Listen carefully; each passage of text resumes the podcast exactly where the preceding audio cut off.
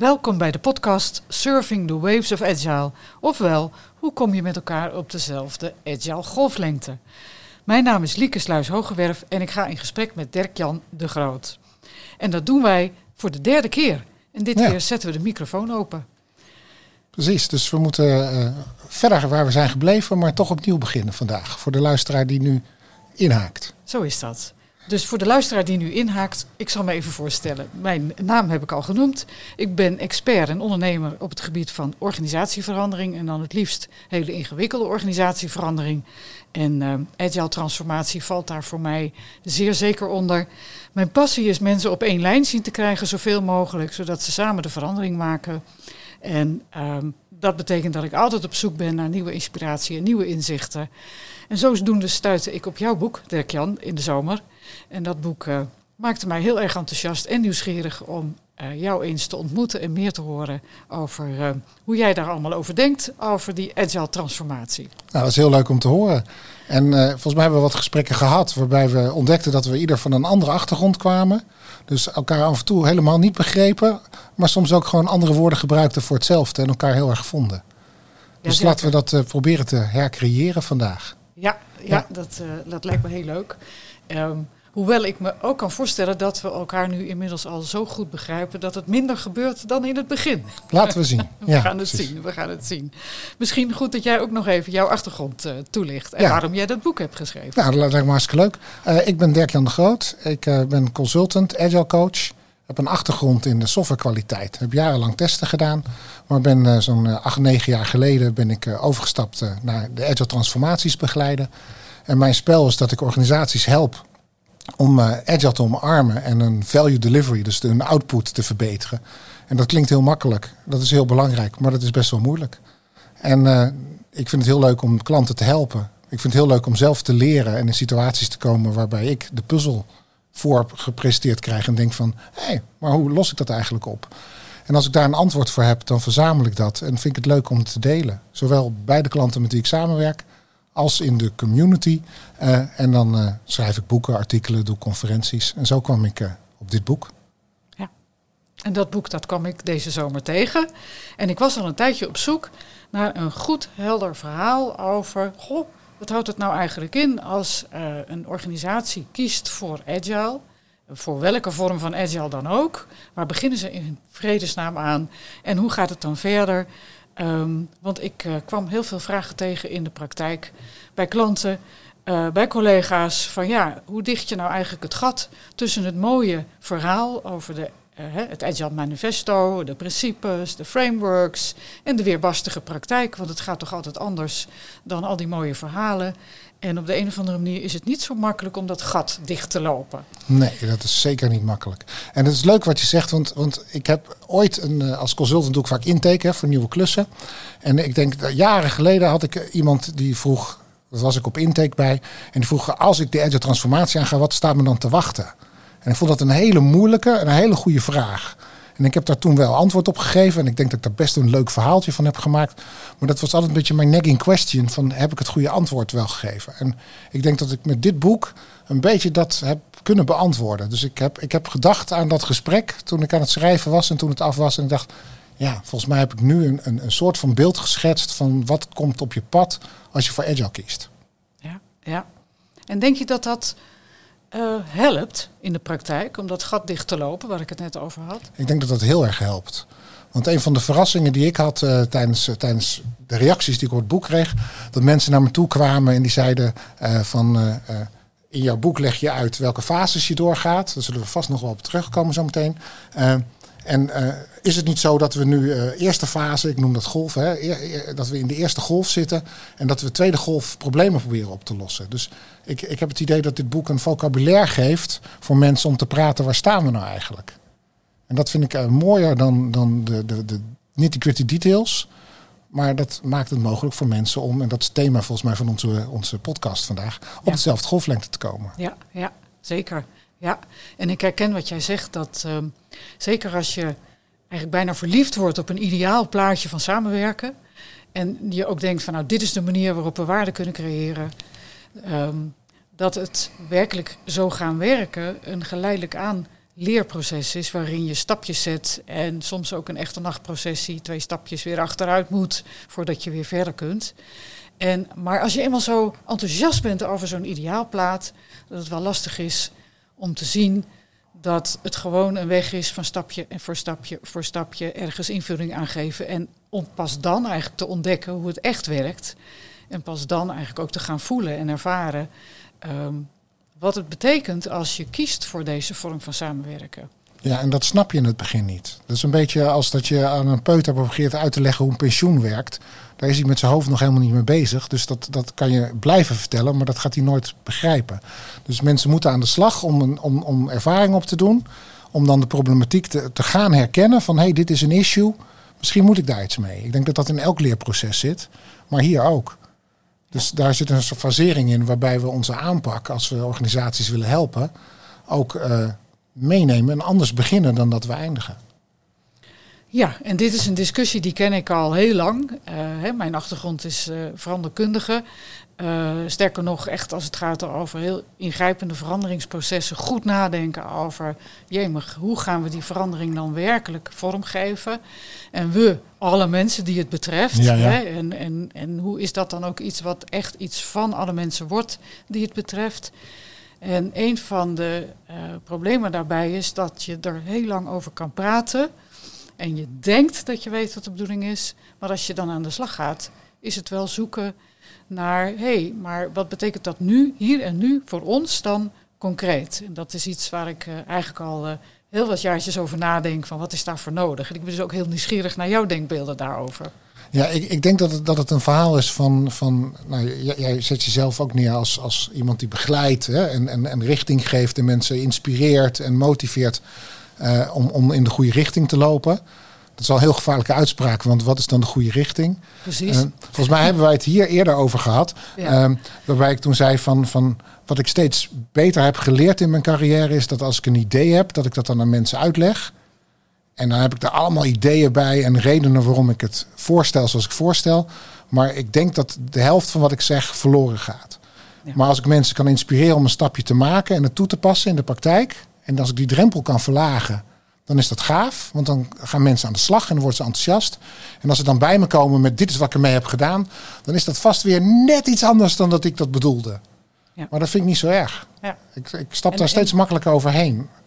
Ja, dan kom ik toch weer terug op mijn vraag. Waarom is dan het grote verhaal in jouw boek, hè, want het is een heel overzichtelijk compleet verhaal, zoals ik het gelezen heb. En niet alleen een gefaseerd verhaal, maar ook heel volledig. Als het gaat over de laagjes van verandering die er allemaal, die je allemaal uh, eigenlijk mee te maken hebt.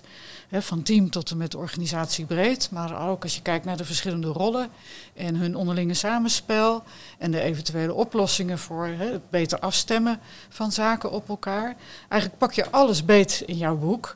Is dat niet veel te veel van het goede? Ja, daar heb ik over nagedacht. En, en er was wel iemand die zei: probeer niet anderhalf boek in één boek te verrotten. En toen heb ik het boek nog eens een keer doorgebladerd, het manuscript toen nog. Uh, en toen dacht ik: nee, dit is volgens mij wel het verhaal wat ik wil vertellen. Want ik wil juist het brede kader schetsen, omdat je de context wil snappen. Maar ik wil ook concrete handvatten geven, zodat je er wat mee kan. Dat het niet alleen maar uh, een, een, een mooi verhaal is wat het ideaalbeeld schetst. Maar dat je ook handen en voeten hebt om, uh, en aan ha haakjes hebt om iets te doen en te beginnen. Ja. Zodat je aan de slag kan. En aan de achterkomt dat het inderdaad net iets anders werkt. Maar dat je het kan tunen naar je eigen situatie. Ja, ja. dat tunen, dat is iets wat ik uh, ontzettend leuk vind. Ik heb jij daar iets over verteld. Ja, hè? Vertel. Het tunen, dat is eigenlijk, in, zoals ik het nu oppak, hè, ik associeer vrij even op jouw woord. Um, dat je eigenlijk met elkaar um, um, een vertaalslag maakt van wat je denkt dat de bedoeling is. En daar dan ook rekening houdt met wat je zelf belangrijk vindt en wat je zelf denkt te kunnen en wat je zelf wilt. Uh, en door dat samen te doen, krijg je eigenlijk een, een overeenstemming van zo kunnen we het doen. Zo kunnen wij invulling geven aan deze manier van werken. En als je, als je dat zegt, bedoel je dan de persoonlijke individuele motivatie? Die gaat, zeker ook, uh, die gaat daar zeker ook in mee. Ja? ja? Maar het gaat ook over de vraag van, goh, um, um, deze manier van werken, die klinkt heel goed. Maar of het nou voor ons werk precies van toepassing is, dat weten we niet. Laten we eens aannemen dat het wel van toepassing is. Hoe zouden wij het zelf dan willen doen? Ja. Ehm, en ook van hoe houden we dan rekening met onze onderlinge verschillen. Want we zijn allemaal verschillend en uh, de een wil op een andere manier werken dan de ander. Ja, en dat is heel moeilijk. Hè? En je merkt dat, dat binnen teams geldt dat, maar, maar in organisaties over teams en afdelingen heen ontstaat ook vaak die discussie van moeten we gaan uniformeren? Moet iedereen hetzelfde doen? Is het erg als, als de een het zus doet en de ander het zo doet? En dat, dat is moeilijk. Ja, ja. En, en hoe ga jij daarmee om? Welke, welk, bij welke wave hoort dit vraagstuk? Ja, het grappige is dat ik eigenlijk de neiging krijg om uh, aan CMM te denken. Want volgens mij zegt CMM dat uh, gelijktrekken, uh, uniformiteit level 3 is. Maar dat is even graven in mijn geheugen. dus kan, kan, je even toelichten wat CMM is? Ja, CMM is het Capability Maturity Model, wat een volwassenheidsmodel is voor organisaties. Gewoon in het algemeen. die in vijf stappen aangeeft van, van ik, ben, ik besta, ik ben bij de Kamer van Koophandel ingeschreven, dus ik heb level 1. Totdat ik ben gecontroleerd, proactief uh, in controle. En dan ben je level 5. Uh, en nou ja, het is in de. Ik denk dat het al een beetje. Is het verouderd? Ik weet het eigenlijk niet. Maar het, ik heb geen idee. Nee. Ik, is er ooit iets verouderd? Ja, nou ja, het was, was tien jaar geleden best wel hip. Uh, ik hoor okay. tegenwoordig minder. Want het ja. past minder in het agile model. Ja. Maar, maar de les daar was van uh, verbeter eerst. En leer wat werkt op individuele schaal of op afdelingsschaal. En ga daarna druk maken om de generieke lessen eruit te halen en te standaardiseren. En daar valt wel wat voor te zeggen natuurlijk. Ja, ja. Ik vind het heel leuk om maar één team iets voor te houden en zijn oplossing te laten zoeken. Een ander team voor hetzelfde probleem ook een oplossing te doen. En dan die mensen bij elkaar te brengen en zeggen: Wat heb jij voor een oplossing gevonden dan? Hé, hey, jij doet het anders. Waarom heb je ervoor gekozen? Maar wat is de generiek hetzelfde? Ja, wat je eigenlijk dan doet, in mijn woorden, is dat je ze laat reflecteren op wat ze bedacht hebben. En ze, en ze laat onderzoeken wat het nou eigenlijk is dat ze bedacht hebben. Ja. Zodat ze daar ook weer woorden voor krijgen en ook betekenis aan kunnen geven als iets wat de moeite waard is om mee door te gaan of om zelfs nog te gaan verbeteren. Ja, en we willen natuurlijk ergens uitkomen, hè? want we, willen verbeteren, we willen value delivery hebben, we willen misschien agile zijn als organisatie of welk veranderd doel je hebt. Maar er zit heel veel winst in de kleine dingetjes. Waarbij de ene team of de ene individu zegt van... hey, dat is leuk wat jij doet. Dat kan ik gebruiken. En daarmee gaan we in ieder geval de goede kant op. Ja, ja, ja. Nou, we zitten eigenlijk best wel op één golflengte dit keer, uh, ja, Dirk-Jan. Vorige keer zaten we toch wat vaker het van een verschillende kanten bekijken. Um, en uh, in ieder geval van mijn kant uh, had ik dan bepaalde ideeën over hoe een agile coach werkt ik zou het toch wel leuk vinden als jij daar nog wat meer over vertelt. Hoe jij als agile coach eraan werkt dat mensen die met elkaar op één golflengte moeten zitten, ook zoveel mogelijk daar komen. Ja, ik denk dat dat, dat, dat uh, afhangt of je op teamniveau werkt of op organisatieniveau. En uh, je, je, hebt agile die heel erg teams helpen. En, en, en dan één team. Dus dan hebben we het over softwareontwikkelingen. Dat is mijn, mijn wereld vaak. Waarbij we dan een team hebben van, uh, van negen man ja. uh, maximaal, volgens de theorie.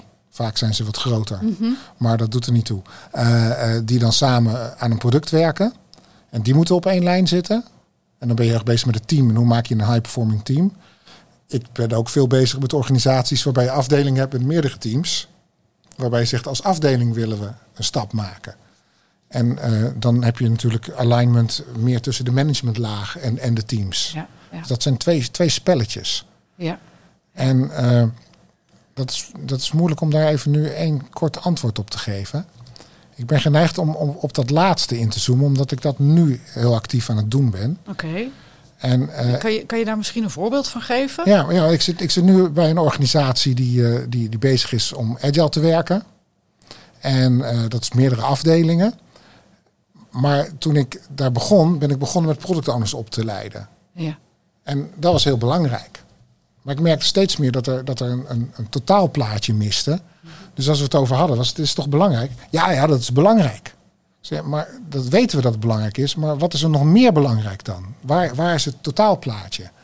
Dus, dus die afstemming vinden en die golflengte vinden, heb ik daar gevonden door, door in de organisatie te zeggen, laten we een roadmap maken. Uh, laten we een, een, schetsen wat we willen gaan doen, hoog over, zodat we een verhaal hebben, zowel naar de managementlaag erboven, van dit is wat we aan het doen zijn. Doe je copy, uh, spoort je dat? Ja. Wil je dat? Ja. Maar dat je dat verhaal ook naar beneden hebt, zodat je kan zeggen: dit is wat we aan het doen zijn. Want dan kan je individuen en, en, en losse teams kan je, kan je duiden met wat zij aan het doen zijn, hoe dat bijdraagt aan het totaalverhaal. Ja. Ja. En ik vind dat, dat wel heel krachtig. En het komt op mij over alsof je de product owners gevraagd hebt om duidelijker te worden over wat een product owner doet. Klopt dat? Nou, dat wilden ze zelf heel graag. Oké. Dus dat zijn we samen eh, zijn we die zoektocht aangegaan. Ja, ja, ja. En, en in, het, in het duidelijk kunnen zijn over wat een product owner doet, miste jij dus het grotere plaatje. Ja, want het is ook belangrijk wat de Scrum Master doet. En het is ook Ja. belangrijk hoe we aan, aan training en opleiding doen. Het is ook belangrijk. Nou, in het boek leg ik uit wat de succesfactoren zijn van, eh, van een transformatie. En dan noem ik zes aandachtspunten. En heel veel eh, agile coaches en, en, en organisaties die beginnen hebben heel erg een focus op proces. Ja. Maar, maar, maar mindset is belangrijk. eh, leadership support is belangrijk. De structuur van de organisatie is belangrijk. Want je kan wel teams willen laten floreren. maar Als de organisatiestructuur eh, tegenwerkt, ze heel veel afhankelijkheden hebben, dan lukt het niet. Ja. Techniek is belangrijk. En dan vergeet ik er eentje zo even on the fly. Maar, maar ik denk dat elke uitdaging die je tegenkomt, moet je van, vanuit, vanuit al die aspecten bekijken om een goede oplossing te vinden. Ik herken dat. En ik, wil toch nog even terug naar de, naar de product owners, want ik ben wel benieuwd eigenlijk. Ehm, je zou ook kunnen zeggen, goh, het is toch eigenlijk de rol van de directie of het management om als een vision owner van, het agile, hè, van de agile manier van werken te zeggen, dit is hoe wij het ons voorstellen dat we hier werken. En daarmee dus eigenlijk al, nou ja, ik zeggen, de landkaart hebben geschetst waar de product owner zichzelf in terug kan vinden. Dus hoe komt het dan dat de product owners daarmee aan de slag gaan met dat vraagstuk? Nou, dat is een hele moeilijke vraag. Dat, dat hangt van, van de geschiedenis af. Maar ik, ik, ik denk dat mijn aanpak is. Want, want je, waar- je zo'n groep mensen hebt, heb je de vraag van wat, wat willen we zijn en, en hoe willen we acteren. Ja, absoluut. En de vraag wat wordt er van ons verwacht. En ik denk dat dat naar elkaar toe moet groeien. Dus ik vind het heel krachtig als, als, als een groep product owners, maar dat kan ook een groep scrum masters zijn, eh, of, of een andere groep disciplines, eh, met elkaar enig beeld krijgen over van wat vinden we zelf dat we willen zijn. Ja, zeker. Ik ben het daar zeer mee Ja, eens. En- het en- ontzettend belangrijk is dat ze als het ware zichzelf uitvinden Ja, en, dus in het als- speelveld wat ze hebben. Maar mijn vraag gaat eigenlijk meer over wie definieert nu eigenlijk dat speelveld? Ja, ik denk dat dat organisch ontstaat. Dus bij mij, bij mij probeer ik dat organisch te laten ontstaan. Ja. Dus ik, ik, ik, ik heb, je hebt zo'n schilderij van de Franse Revolutie... waar eh, mevrouw Liberté eh, met zo'n vlag staat zwaaien op de barricade. Dat laat ik heel vaak zien in mijn plaatjes. En zeg van, ik wil dat jullie eigenlijk de barricade opgaan als groep. En dat kunnen dus die product owners zijn of een andere groep van... Probeer als community met elkaar te vinden wat je wil zijn. En ga, ga op die barricade staan en zeg, dit is waar ik voor ga. Want dan kan de organisatie, wie dat dan ook is, eh, kan zeggen, wow, dat is mooi. Of die kan zeggen, nou, we verwachten eigenlijk iets meer. Of, wow, wacht eventjes, hold your horses. Dit is niet wat wij willen. Maar dan ontstaat de dialoog. Ja, oké. Dus en in eigenlijk die zeg dialoog jij... vind je de consensus. Ja, neem positie in, zeg je. Ja. Dus, dus zorg dat je herkenbaar bent, identiteit hebt. Neem positie in, laat zien wat je wilt betekenen. Ehm, en dan merk je vanzelf wat daarop terugkomt. Dat is Ja. eigenlijk wat jij zegt. Ja, en ik, ik heb bij een klant op een gegeven moment eh, zijn we bezig geweest met rollen definiëren. Ja. En dat ging dan over de Scrum Master en de Product Owner. Twee belangrijke rollen eh, in en rond het team. En eh, toen hebben we gedacht van gaan we, gaan we super positioneren en zeggen gij zult dit zijn. Mhm. Willen we dat? Dan, dan willen we uniformiteit. Hè? Dat is heel fijn in Ja. old school management. ja. We hebben een, een, een, een handboek geschreven en iedereen moet er naar conformeren. Dat geeft rust en orde en eh, voelt fijn voor sommige mensen. Of willen we teams empoweren en willen we de, dat ze de verbinding zoeken? En toen hebben we gekozen, laten we dialogen aangaan tussen, tussen de mensen. Want als zij eh, de rol net iets anders invullen, maar heel lekker samenwerken, is dat misschien voor nu goed genoeg. Toch ben jij daar dan wel heel ehm, ontwikkelingsgericht in. Hè? Ja? Terwijl als je kijkt naar de, de, de agile modellen, de frameworks, eh, zeggen die eigenlijk van ja, nee, luister eens, dit is het speelveld, dit zijn de spelregels, hè, eh, de manifesto-principes. Eh, dus daar moet je gewoon invulling aan geven. Hoe past dat nou in jouw idee eh, bij hoe jij bezig bent? Uh, heel goed, denk ik. Kijk. Maar maar hoe natuurlijk? Ik, ik, denk dat, dat dat te maken heeft met, met het ideaalbeeld. Dus het ideaalplaatje, daar ja. zijn die principes en het manifest en zo zijn daar heel duidelijk over. Ja. ja. Maar jij zei zelf al, het doen is best wel moeilijk. Dus heel veel organisaties zitten niet in een end state, maar die zitten in een, in een tussensituatie. Een niet optimale situatie nog. We zijn, we zijn verbeterd ten opzichte waarvan we vandaan komen, maar we hebben nog een weg te gaan. En uh, dat is goed, als je dat maar toelaat. Dus dan kom je in dat leermodel en, en dat je verbetert en leert. Ja. En ik, ik merk dat ik heel vaak als mensen met een vraag bij me komen, inderdaad, uh, dan ga ik omhoog kijken. Hè, van, uh, nou, theoretisch gezien geldt, geldt dit en dit en dit. Maar ja, dat werkt bij jullie natuurlijk niet. Want jullie zitten in een andere context. Dus misschien is dit een oplossing die werkbaar is. Zou dit werken? Ja. En als dan de teams zeggen, nou dat weet ik niet, maar dan ga ik proberen. Ja, dan heb je ze weer van, in beweging. Ja, ja. ja. En in beweging vind jij heel belangrijk. Ja. ja, zeker. Ik herken hem. En um, ja, ik heb er toch weer een vraag bij. En, en dat komt natuurlijk gewoon door mijn eigen passie. Voor uh, mensen op één lijn krijgen, dat ze dat vooral ook zelf gaan doen. Wanneer word jij nou overbodig in die rol die jij nu hebt? Hè? Want eigenlijk zeg je, nou, ik geef betekenis aan waar jullie zijn. Ik doe jullie iets aan de hand waarmee je in beweging kan komen. Uh, ik arrangeer, orchestreer de dialoog. Zodat daar waar, er, waar je eigenlijk niet op één lijn zit, uh, dat, ja, dat je eigenlijk beter op één lijn komt. Uh, wanneer, wanneer leren mensen dit zelf te doen? Zo snel mogelijk, hoop ik. Uh, er zijn een paar scenario's mogelijk. Dat, dat kan zijn op het moment dat ik denk dat ik in herhaling val en dat ja. mijn boodschap niet meer, uh, niet, meer, niet meer overkomt, niet meer vernieuwend is. Hè. Ja. Op het moment dat mensen zeggen, ja, ja, ja, dan heb je Dirk Jan weer met zijn speerpunt. Nou, dan moet ja. je misschien uh, zeggen, Dirk Jan, dankjewel. Uh, ik probeer teams zoveel mogelijk het, het zelf te laten doen. Dus, dus dat komt sneller. Uh, ik heb wel teams gehad en organisaties zeiden van, nou, we hebben nu ons, ons leerpunt gehad. Volgens mij moeten we het gewoon even doen, Dirk Jan. Dus we bellen wel weer. Nou, dat ja, vond ik heel mooi. Dus dan zeggen ze het eigenlijk tegen jou. Van, we, kunnen voorlopig weer even ja, verder. Maar ik heb het ook wel een keer gehad dat ik de anderhalf jaar ergens gezeten heb. En toen gezegd van, ik, ik heb het probleem voor mij gekraakt tot deze essentie. En, uh, en als daar niks verandert, dan, dan kan ik ook niet heel veel meer doen voorlopig. Nee. nee. Dus uh, gaan, we, gaan we dit probleem aanpakken of, of gaan jullie gewoon nu even je eigen weg? Nou, en dat is prima als dat gebeurt. Ja. Nou, ik krijg wel een beeld van hoe jij bezig bent. En ik moet eerlijk gezegd zeggen, ik zei het net ook al, in onze eerdere gesprekken zaten we elkaar wat om de oren te slaan met begrippen. Um, uh, maar in dit gesprek voel ik toch meer verwantschap met hoe jij bezig bent en, uh, en hoe ik zelf uh, werk.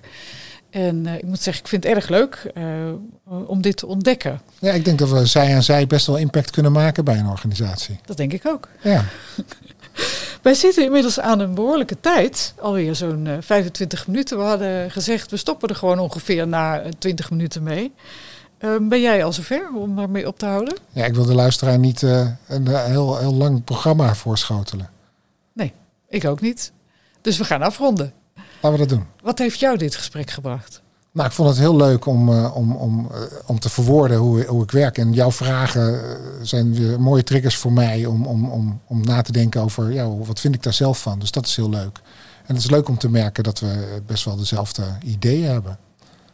Ja. En, en lang niet alles is gezegd. En er zijn nee, veel meer nee. details. Maar, ik zat ook af en toe op mijn handen. Misschien ja. zag je het. De luisteraar kan dat niet zien. Ja. Dus ik, ik, hoop ja. dat, ik hoop dat voor de luisteraars dat, dat hier wat eye-openers in zitten. Ja. Uh, want, want ik, daar gaat het ons om. Hè? Daar gaat het ons om. Inspireren. En, en ze dat handvat geven om zelf een stapje te maken. Ik, ik denk dat we niet heel concreet geworden zijn. Nee, buiten het voorbeeld van de product owners, wat ja. natuurlijk een mooi concreet voorbeeld is. Ja, het voordeel is dat ik een boek heb geschreven en daar zitten veel concrete handvatten in.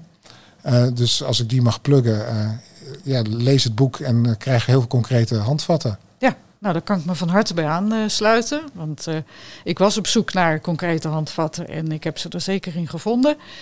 Um, ja, en van mijn kant, wat het gesprek mij brengt, is dat jij dus veel meer aan dialoog doet dan ik dacht. En zoals je weet is dialoog een van mijn favoriete processen om uh, met mensen te werken aan de verandering die hen voor ogen staat. Uh, en, en daar ook uh, de verdieping in te zoeken met elkaar. Van wat bedoelen we daar nou echt mee en hoe, hoe stellen we ons dat dan voor? En daar ook het gesprek over aan te gaan. Dus uh, nou, daar ben ik zeer blij mee. En ja, dan wil ik mezelf ook wel een beetje promoten en zeggen: Goh, wil je daar meer over weten, beste luisteraar? Um, daarover is nog een andere podcast te beluisteren op het uh, IPMA-platform. En dat gaat over MUM, Mutual Understanding That Matters. Hoe krijg je dat voor elkaar? En in gewoon Nederlands, hoe kom je met elkaar op dezelfde golflengte? Zullen wij het hier uh, bij laten? Lijkt me uitstekend. Dan rest mij het IPMA te bedanken voor de mogelijkheid voor het maken van deze podcast. Ja, heel gaaf dat jullie dit faciliteren. Dankjewel.